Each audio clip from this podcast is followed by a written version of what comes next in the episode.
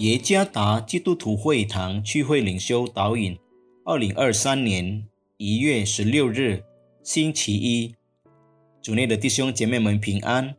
今天的领袖导引，我们要借着圣经《生命记》七章九到十一节来思想今天的主题：神不变的爱。作者于来发传道。所以你要知道，耶和华你的神，他是神。是信实的神，向爱他、守他诫命的人，守约是慈爱，直到千代；向恨他的人，当面报应他们，将他们灭绝。凡恨他的人，必报应他们，绝不迟延。所以你要谨守遵行我今日所吩咐你的诫命、履历、典章。受到惩罚是非常痛苦的。尤其是无辜者所承受的惩罚。一位名叫萨盖曼达的人，因涉嫌杀害一名牧师而被法官宣判死刑。在他服刑三十四年后，事实证明曼达从未杀过他的邻居，他成了冤诬送案的受害者。许多人对法官和警察的错误判决感到愤怒。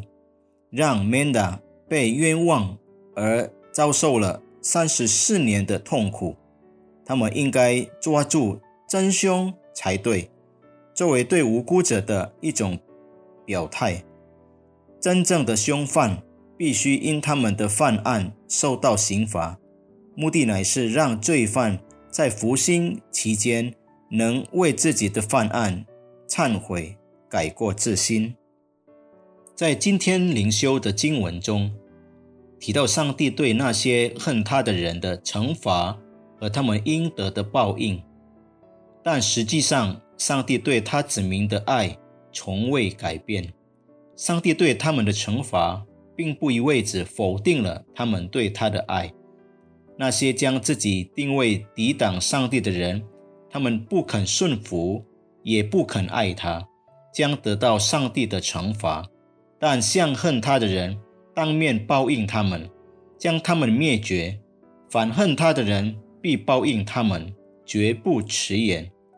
在以色列民的历史中，记载了他们违背上帝律法的生活。上帝让他们被巴比伦帝国征服来惩罚他们，但这并不是说上帝不爱他们。在惩罚的背后，仍包含了上帝远大无比的爱。这爱是对所有人的救赎与拯救的承诺，包括那些不属于以色列支派的人及教会。这爱就是向他子民应许弥赛亚的到来。是的，以色列人因其罪行必须受到惩罚，岂不是坏人应该受到惩罚吗？我们惩罚坏人，因为我们喜爱良善和真理。我们都是罪人，理当受到神的惩罚。然而，上帝仍向他的子民赐予爱和宽恕。神差遣他的独生子，将世拯救我们，使我们不至灭亡，反得永生。其实我们不配得到的，但上帝爱我们。我们是否以尽心、尽性、尽意爱主我们的上帝？我们是否？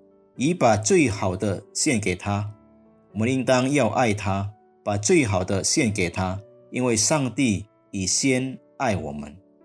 因着，我们的罪，我们理当受到罪的刑罚；然而，因着神的爱，我们得了释放。愿上帝赐福弟兄姐妹们。